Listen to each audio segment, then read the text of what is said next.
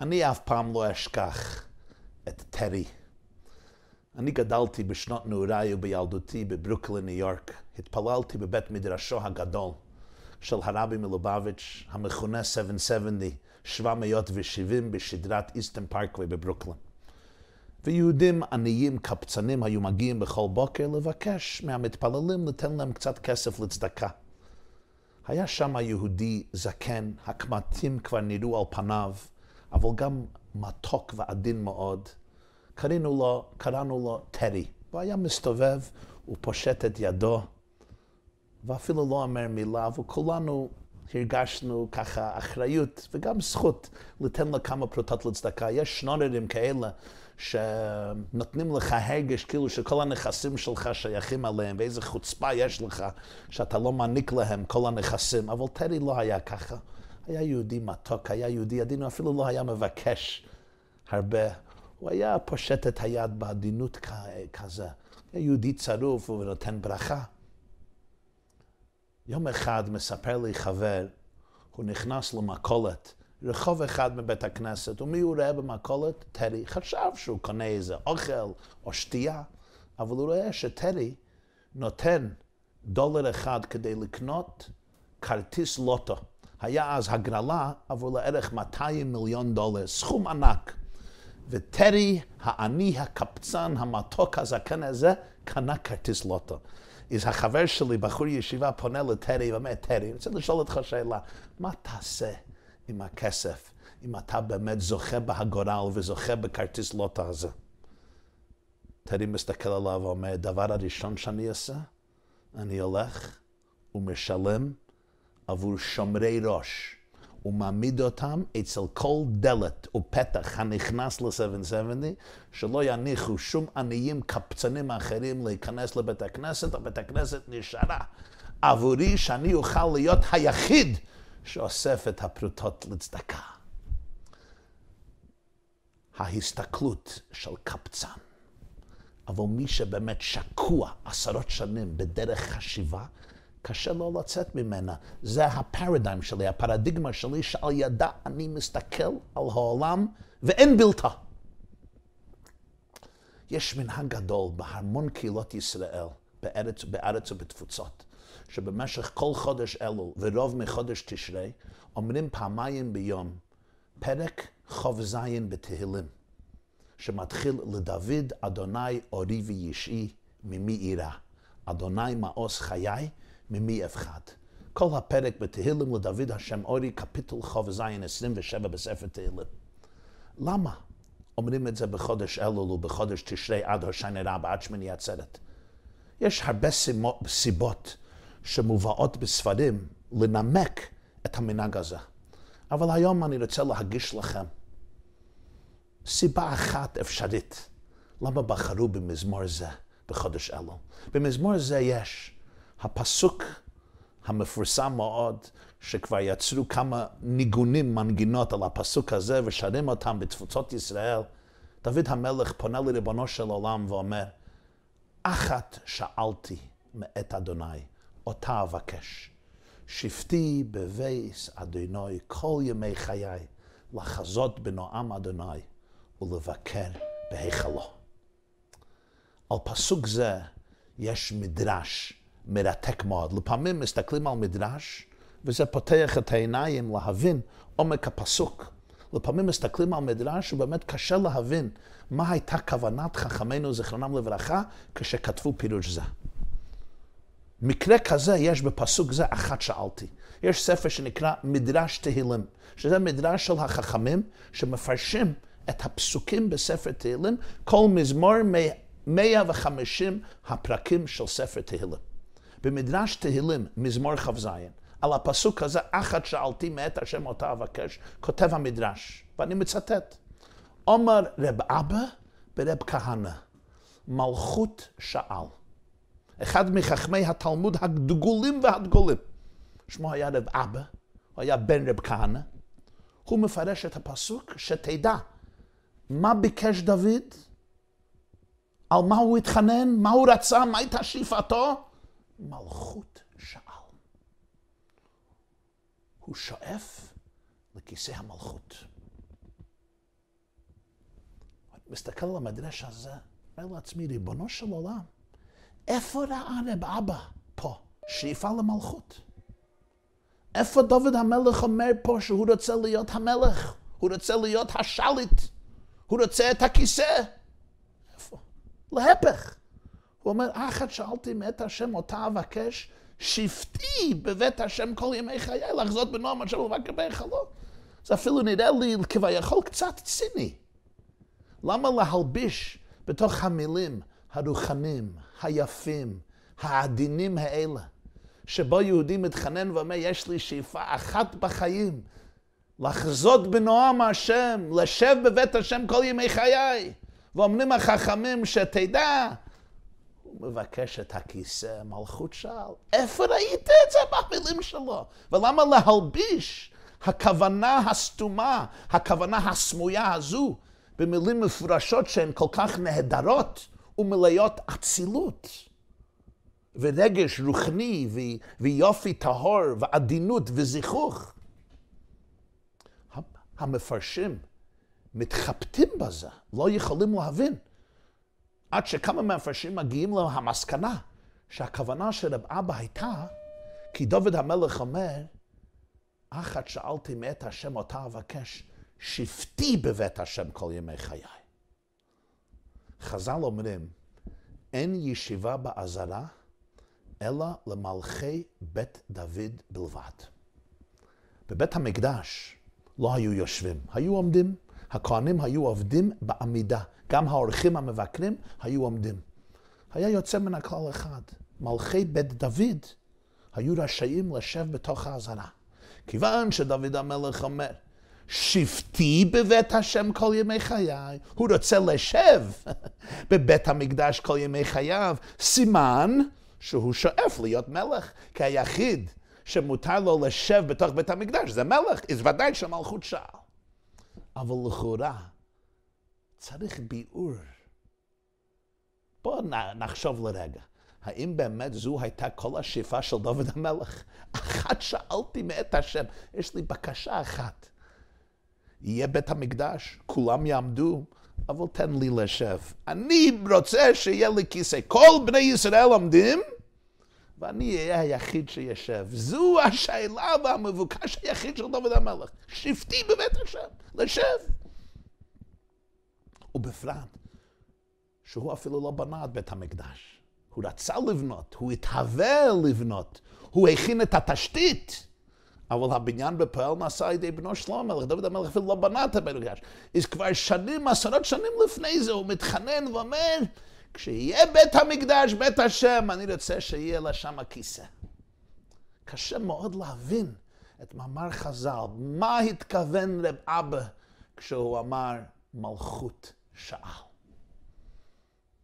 אבל אולי באמת רב אבא מעניק לנו דרך הסתכלות, איך לראות את העומק הפנימי, את המנגינה הפנימית מה שדוד המלך אומר לנו פה, ואומר לאלוקים במזמון הזה בתהילים. בואו נסתכל על הנסיבות שבו נאמר מזמור זה בתהילים. דוד המלך לא יושב פה במצב של רוגע ושלווה נסוכה על פניו וחייו, ואין לו שום דאגות ולחץ וטראומה, והכל יפה ונחמד ונעים. זה לא המצב. תקרא את המילים שבמזמור להבין עומק הלחץ, עומק הקשים, האתגרים, המבוכות והסכנה שבו המשורר הזה מצוי כשהוא מנגן מזמור זה בספר תהילים. הרי הוא מתחיל, השם אורי וישי ממי יירא, השם מעוז חיי ממי אפחד. הוא באמת צריך להיות שרוי בפחד ומורא. הוא ממשיך, בקרוב עולי מרעים לאכול את בשרי. יש כאלה שרוצים לאכול את היהודי הזה חיים. צרי ואובי לי, המה כשלו ונפלו, זה לא מספיק. אם תחנה עליי מחנה לא יירא ליבי. אם תקום עליי מלחמה, יש מחנה שלם שרוצה לנחות עליו ולהכריז נגדו מלחמת חרמה. והוא אומר, בזאת אני בוטח.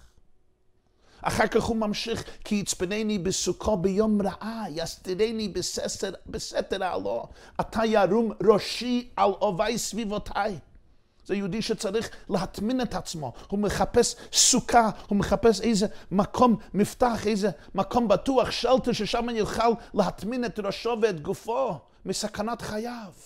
הוא מבקש מריבונו של עולם, אל תסתר פניכם ממני, פניך ממני. אל תדשני ואל תעזבני אלוקי אישי. ואז מגיעה הפצצה.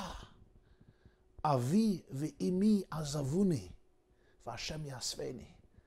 אימא ואבא, הכי קרובים על האדם, הבני אדם, ההורים, שעליהם אנחנו בוטחים, עליהם אנחנו מקושרים בחבלי אבותות אהבה וביטחון.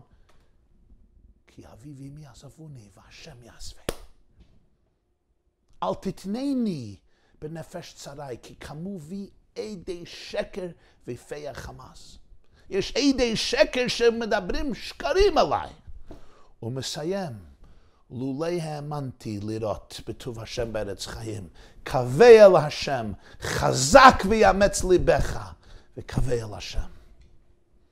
דוד המלך לוחם פה מלחמת הישרדות. הוא נמצא בסכנות נפשות, הוא פליט, הוא נמלט. הוא רוצה להציל את נפשו. כבר בשנות נעוריו, אבי ואמי עזבוני. איך הוא אומר בתהילים? מוזר הייתי לאחוי ונכרי לבני אמי. הוא נישא אישה, הוא נעשה חותנו של המלך שאול, ועכשיו חותנו רוצה להרגו. המלבים מפרש פה כמו וי עדי שקר. שמשקרים לשאול המלך שדוד חותנו רוצה להרוג את המלך ולגזול את כיסא המלוכה ולכן שאול נעשה שונא מספר אחד של דוד המלך שמחפש להרוג את דוד. יש לו אוהבים שרוצים לאכול את בשרו. הוא נמלט על נפשו, הוא פליט, איך הוא אומר לפני כמה מזמורים במזמור כ"ב, אנוכי תולעת ולא איש, חרפת אדם ובזוי עם. זו הנסיבות שבהם הוא מנגן ומשורר וכותב את מזמור זה בתהילים לדוד השם אורי ואישי. עכשיו אני רוצה לשאול אתכם שאלה. יהודי, בן אדם, פליט, נמלט על נפשו, מחפש להס... לשרוד במצבים כאלה. על מה הוא מבקש? כשבן אדם כזה מתפלל, מה הבקשה שלו? מה השאיפות שלו? מה האמביציות והחלומות שלו כשהוא נמצא במצב כל כך צר ומעיק וחשוך ומסוכן. אמא שלי, שתהיה בריאה, סיפרה לי פעם שהיא נכנסה עם אבא שלי, זיכרונו לברכה, זה היה בשנות ה-70, ליחידות, לביקור, אצל הרבי מלובביץ'. אבא שלי היה עיתונאי במשך עשרות שנים. הוא היה כתב ידיעות אחרונות באו"ם ובניו יורק.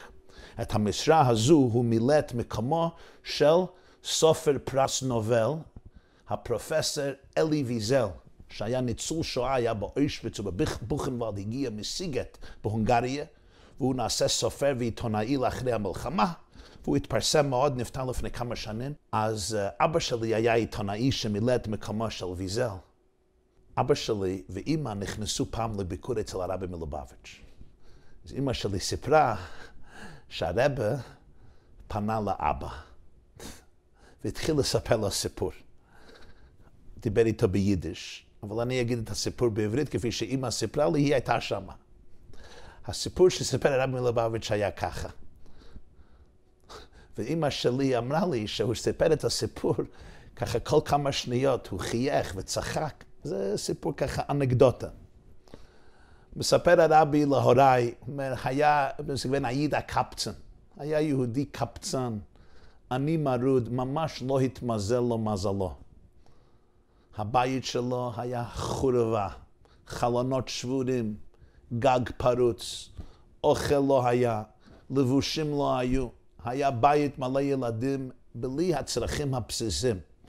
והרב אומר, אם זה לא מספיק, היו לו עוד הרבה בנות שהיה צריך לדאוג לשידוכים עבורם, לייסד את החיים שלהם, לשלם עבור חתונות ונדן. ואם כל זה לא היה מספיק, אז הרב התחיל לצחוק ואומר, את נרגעת הקרץ נוכח. בנוסף לכל כך, הייתה לו פריחה על הגב, ככה מחלת עור, שהיה צריך לגרד כל כמה דקות, וזה שיגע אותו. ולפעמים, נו, כשיש בעיה בעור ואתה צריך לגרד את זה, אבל זה במקום, מקומות מסוימים, נו, זה לא בעיה כל כך, אבל זה היה ככה בתוך, באמצע הגב, שלא לא היה יכול להשיג את זה ביד שלו כדי לגרד. מספר הרבי מלובביץ', יום אחד מתגלה ליהודי האומלל הזה מלאך משמיים. והמלאך אומר, אלוקים הקשיב לתפולותיך, לתחנוניך, והוא שלח אליי והוא אמר, כל בקשה שאתה מבקש, אלוקים ימלא. תגיד מה אתה רוצה, וזה יוסדר מיד. והרבי אומר, היהודי הזה מתחיל להתבונן, על מה יבקש? יבקש בית חדש, שיהיה אוכל בבית, שהילדים יהיו בריאים, שיהיה שלום בית יפה, שהוא יהיה בן אדם שמח, לא בן אדם אומלל. אולי יבקש שידוכים טובים עבור הבנות. הוא ככה מתבונן, שאני אבקש לזה, מה הפריוריטי? איזה, מה, מה, מה עדיף? מה סדר העדיפויות? הוא אומר, פתאום, באמצע כל ההתבוננות, אומר, חפתם on the קרץ. פתאום הוא מרגיש את הפריחה, הוא צריך לגרד באמצע הגב. הוא אומר, אני מבקש דבר אחד, איך בית הקרצר, תביא לו back scratcher, מגרד גב, כדי שאוכל לגרד את הגב שלי. הרב אמר לאבא, יש הזדמנויות בחיים שבן אדם יכול לבקש עבור דברים גדולים. דברים גדולים וחשובים באמת. אבל הפריחה מתעוררת. ואז אני חושב על דבר אחד, אני צריך לגרד את הגב שלי. ואי אפשר לדון את זה. אנחנו בני אדם. וכשאני צריך לגרד, איך דף קרצן, דף איך קרצן. הרבי סיפר את הסיפור בגלל משהו שקרה אז בעולם היהודי. אז הוא סיפר את זה לאבא שלי, ואני רוצה לספר לכם עוד סיפור, שזה אני זוכר בעצמי. אלי ויזל, פרופסור ויזל, היה מיודד מאוד עם אבא, זכרונם לברכה. פעם ביום ראשון, אני זוכר, הוא הגיע לבקר אצלנו בבית, זה היה ברחוב מונטגומרי, בברוקלין, ניו יורק. אבא, שהיה לו עיתון ביידיש, The Allgemeine Journal, ראיין את אלי ויזל. אבא שלי היה מראיין מצוין, היה יודע להקשיב לבן אדם שעות, וגם ידע איזה שאלות לשאול, וגם איך לשאול את זה. אני הייתי במטבח, אבא ואלי ויזל ישבו אצל שולחן שבת, בסלון, שם, על הספה, על אצל השולחן, והם דיברו, שוחחו. אבא שלי פונה לויזל ואומר, אלי, תגיד לי, מה היה הרגע הכי מביש באושוויץ? הוא לא שאל אותו הרגע הכי קשה. The most humiliating moment. השמדיקה מומנט, רגע הכי מביש. אלי ויזל מתחיל לבכות, וזה היה פלא בעיניי. היו ניצולי שואה שבכו, אבל לא כולם, אנחנו הכרנו את אלי ויזל. הוא היה מספר הרבה, היה סופר גדול וסופר נפלא, מפורסם בכל העולם. היה, זכה בפרס, נובל לשלום. שמו הולך בכל המדינות, חיבר המון ספרים. אבל לא ראיתי בוכה, הוא התחיל לבכות. והוא סיפר לאבא, זכרונו לברכה, כדברים האלה. אני לא אשכח את זה. אומר, היה בסוף יום באושוויץ. חזרו מהעבודה. היינו רצוצים, שבורים, תשושים, עייפים, אבל בעיקר רעבים וצמאים. הייתה מחשבה אחת ויחידה, קצת אוכל. מי שרעב, לא יום, לא יומיים, ימים, שבועות, חדשים, שנים. היו חדשים רבים בלי אוכל. כשחזרו מעבודה, חילקו באוישוויץ, אם אפשר לקרוא לזה אוכל, או היה איזה חתיכה שהיה קצת דומה ללחם, ואיזה קרה שהייתה קצת דומה למרק. היה לזה טעם גהנום, אבל יותר טוב מלמות מרעב. ואומר, אני לקחתי את המנה הקטנה של האוכל והמרק, ומיד הכנסתי את זה לפה, הייתי כל כך תשוש ורעב. ואבא שלי ואני, מספר אלי ויזל, שמו של אבא שלו היה אלישע, אלישע ויזל, השם ינקום דמו. חזרנו להברק, להסוכה הקטנה שבו היינו בלילה, בערב. והלכנו יחד. ואלי ויזל אומר לאבא, ובאותו רגע הייתה לי תשוקה, היה לי חלום, היה לי בקשה. השתקקתי שאבא שלי ימות. ימות שמה מיד, כדי שאוכל לקח את הלחם שלו ואת המרק שלו ולהשקיט את רעבוני האיום והנורא. הוא פונה לאבא ואומר, Das ist, was die Deutschen haben gemacht von uns. זה מה שהגרמנים עשו לנו. שהחלום של ילד בן 14, שאוהב את אבא, שגדל עם אבא, שהולך עם אבא באוישוויץ. אבא שימסור את הנפש עבור הילד שלו. אבל מה החלום, מה השאיפה, מה האמביציה, מה התשוקה של ילד בן 14, שאבא ימות כדי שיוכל לגנוב את האוכל שלו. אנחנו היינו כמו אינסקטס, כמו, כמו שרצים, כמו זבובים, כמו רמסים, שחושבים על דבר אחד, קצת אוכל, קצת אוכל, אין שום מחשבה אחרת. וזה היה הרגע הכי מביש באושוויץ. הבנתי באותו רגע, אני, אני הייתי נער באותו גיל, בן 14. ילד אמריקאי, עם כל הצרכים, ברוך השם, עם הרחבה גדולה, בית יפה. לא ידעתי מה זה לרעוב. יום כיפור יש תענית, בסדר. זה נתן לנו ההמחשה של אלי ויזל, העניק לי הזדמנות להבין עד כמה אני לא מבין, עד כמה אנחנו, שגדלנו בדור הזה, רובנו לא מסוגלים לתפוס מה שהיהודים האלה עברו. זה לא רק ודאי ההריגות וההשמדות והרציחות. שמעתי פעם מהגאון הרב ישראל מאיר לאו שליטה, רב הראשי לישראל במשך הרבה שנים ורבה של תל אביב. הוא סיפר פעם כשהוא היה ילד בבוכנוולד, אז הוא, הוא, הוא תיאר את זה, אז הוא אמר, מישהו שאל אותו, על מה חשבת? חשבת על אבא? התגעגעת לאימא? כי אבא רב מוישה חיים לאו, הרב של פיאטריקוב בפוילן, נהרג, נהרג בטרבלינקה. אמא נהרגה. האח שלו הגדול, נפתולי לביא, שהיה קונסול ישראלי פה בניו יורק, זוכרת היה ידיד של אבא נפתולי לביא, זכרונו לברכה, הציל אותו, הכניס אותו לבוכנוולד בשק. אז מישהו שאל אותו, התגעגעת לבית, התגעגעת לאבא, לאימא, לשולחן שבת, לאווירה ביתית, למיטה שלך, לחדר שלך, למשחקים? יא ילד.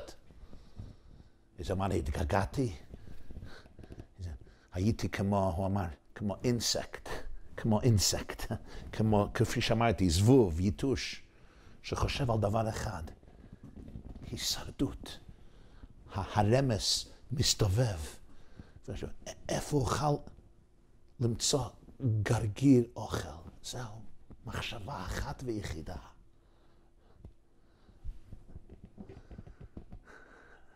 זה מה שהמלחמה עשתה. יש סולם הערכים של אברהם מזלו, שמעתם אברהם מזלו, הוא דיבר על סולם הערכים האנושי. הדבר היסודי זה הצרכים הפיזיים הבסיסיים.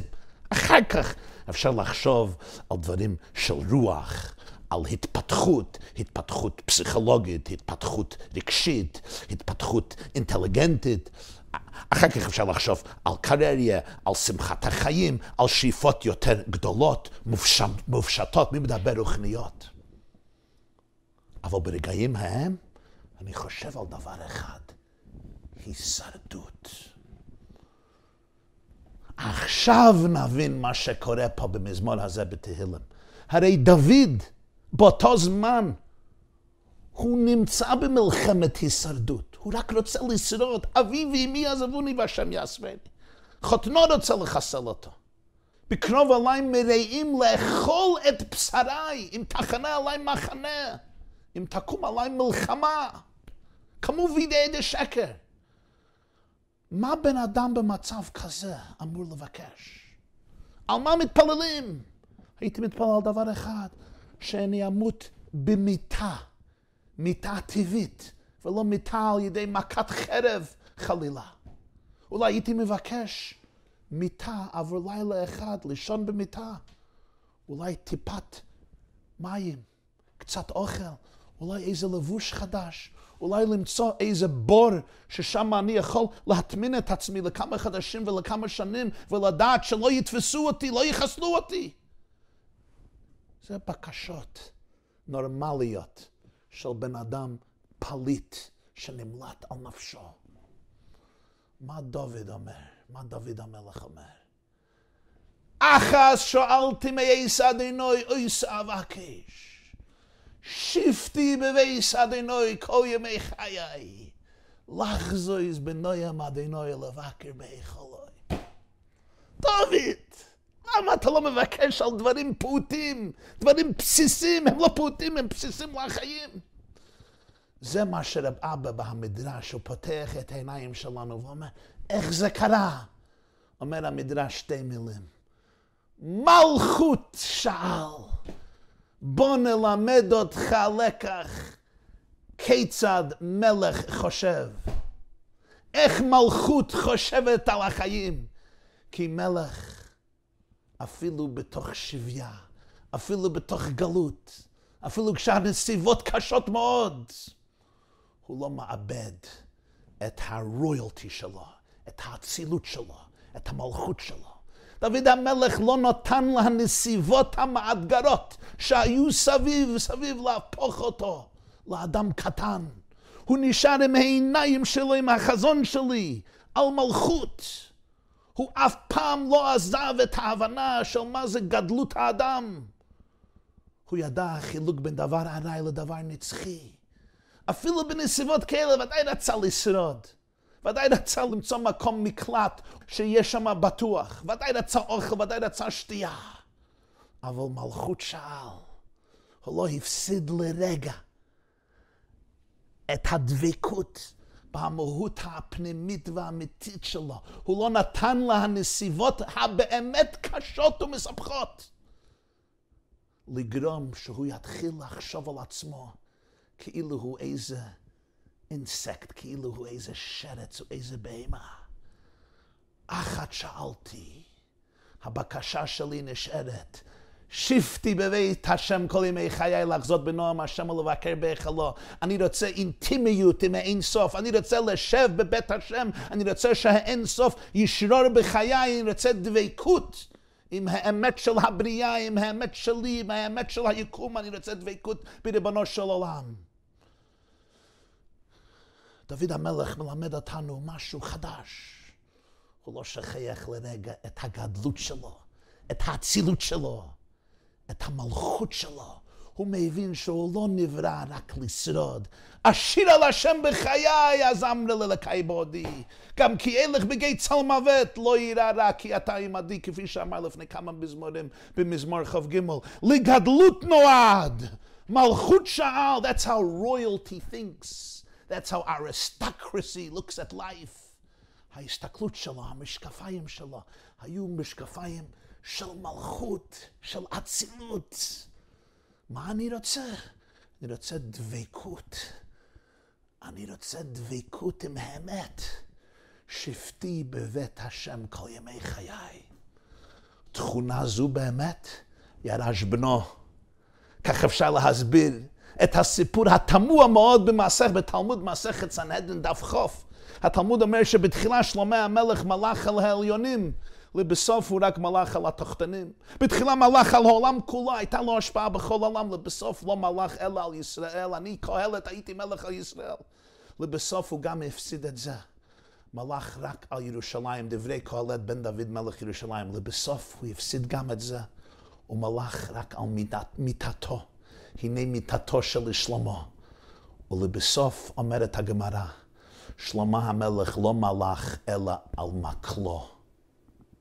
המקל שלו.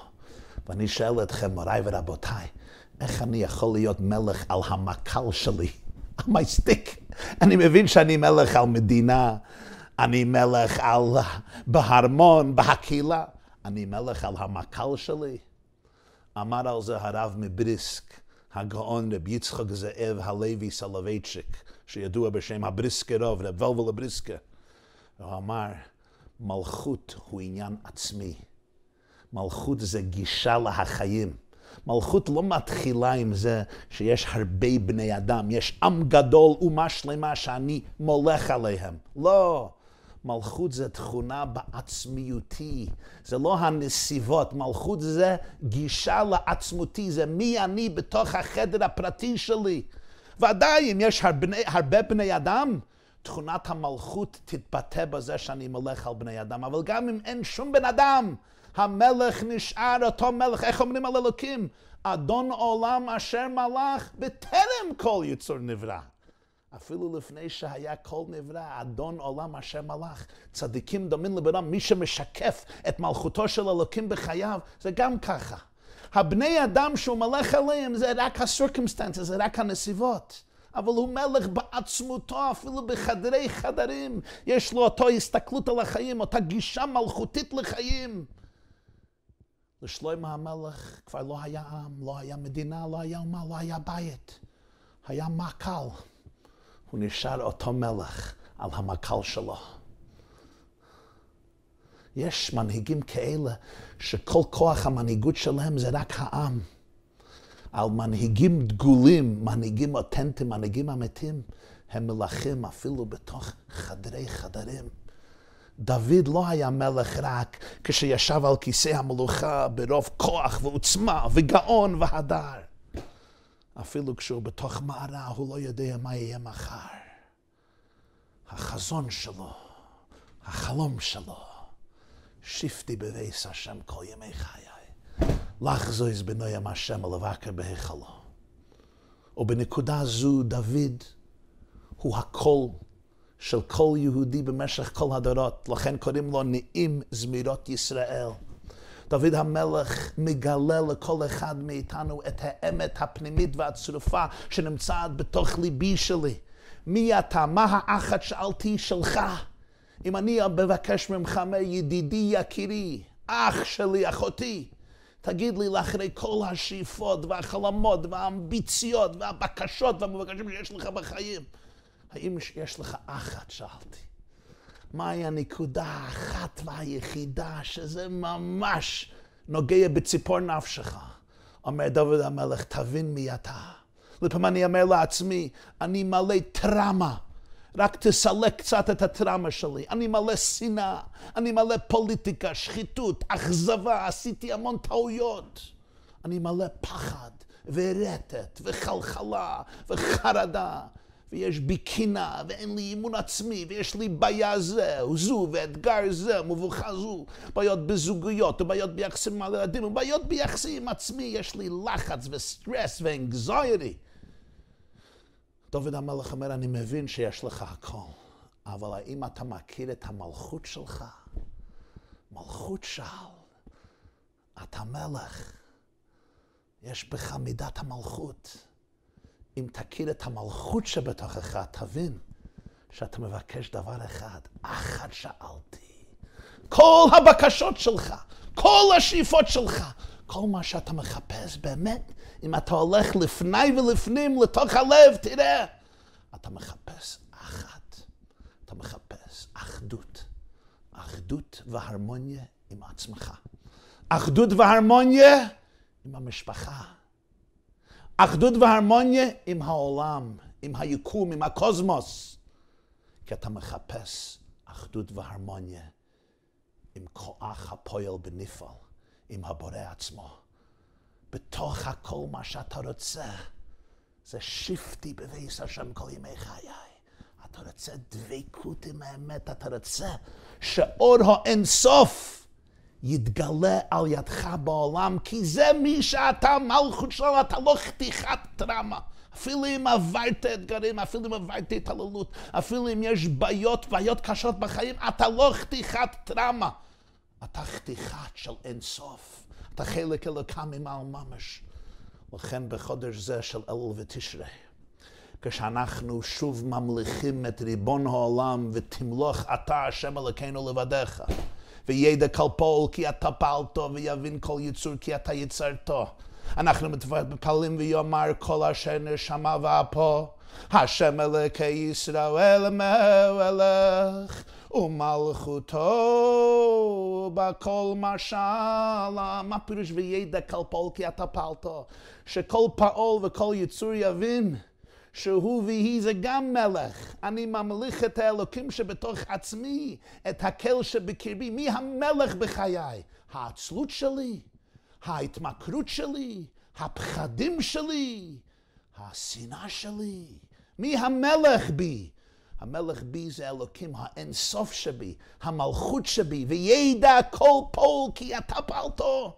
שתבין, אתה לא אומלל, אתה לא קפצן מרוד, אתה לא שנורר בעצם, אתה לא בן אדם פעוט. לגדלות נועדת, למלכות נוצרת. איך אומר האדמו"ר מקוצק על הפסוק בתהילים? לא יהיה בך כל זר. תהילים פ"א. מפרשים כולם. לא יהיה בך כל זר, לא תסגוד לאלילים אחרים, תשתחווה לאלוקים אחד, אין אלא חי וקיים. אומר האדמו"ר מקוצק, לא, יש פירוש הרבה עמוק יותר. לא יהיה בך כל. Der Eberster in dir soll nicht sein kein Fremder. הקל שנמצא בתוכך לא יהיה זר. לא יהיה בך קל זר. הקל שנמצא בתוכך, קל השם ויורא לנו. אתה חלק אלוקם ממעמם. ישראל זה שר קל. הקל הזה לא יהיה זר לך, לא יהיה מנוכר לך. שתיצור קרבה, שתדע את הקל שבתוכך, שתדע את מלכות השם ששורה בתוכך, אתה התגלמות של אינסוף בעולם. מלכות שאל. מספרים שפעם עיקר הסתובב בשדה והוא ראה כאן נשר נטוש. האמא עזבה, אבא עזבה, ובתוך הקן נמצאת ביצה שהיא עדיין חמימה.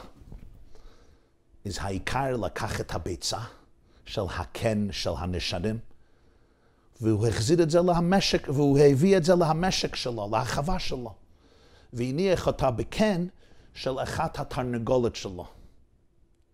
אז האימה התרנגולת היא ראתה את הביצים, אז כדרכה, היא הרי יושבת על כל הביצים למשך זמן ומחממת אותם כדי שהאפרוח שה... יוכל, יוכל לצאת, לפרוץ מהביצה בשעה טובה ומוצלחת, להגיד מזל טוב. נו, אז הביצה שנלקחה מהקן השנים הוא שם שמה, והתרנגולת לא הבחינה בחילוק הביצות, היא ישבה על כל הביצות, ובאמת, לאחרי קצת זמן, הביצה האינדיבידואלית הזו בקעה, והנשר, התינוק, האפרוח, יצא לאור עולם, והוא גדל לאורך התרנגולות האחרות.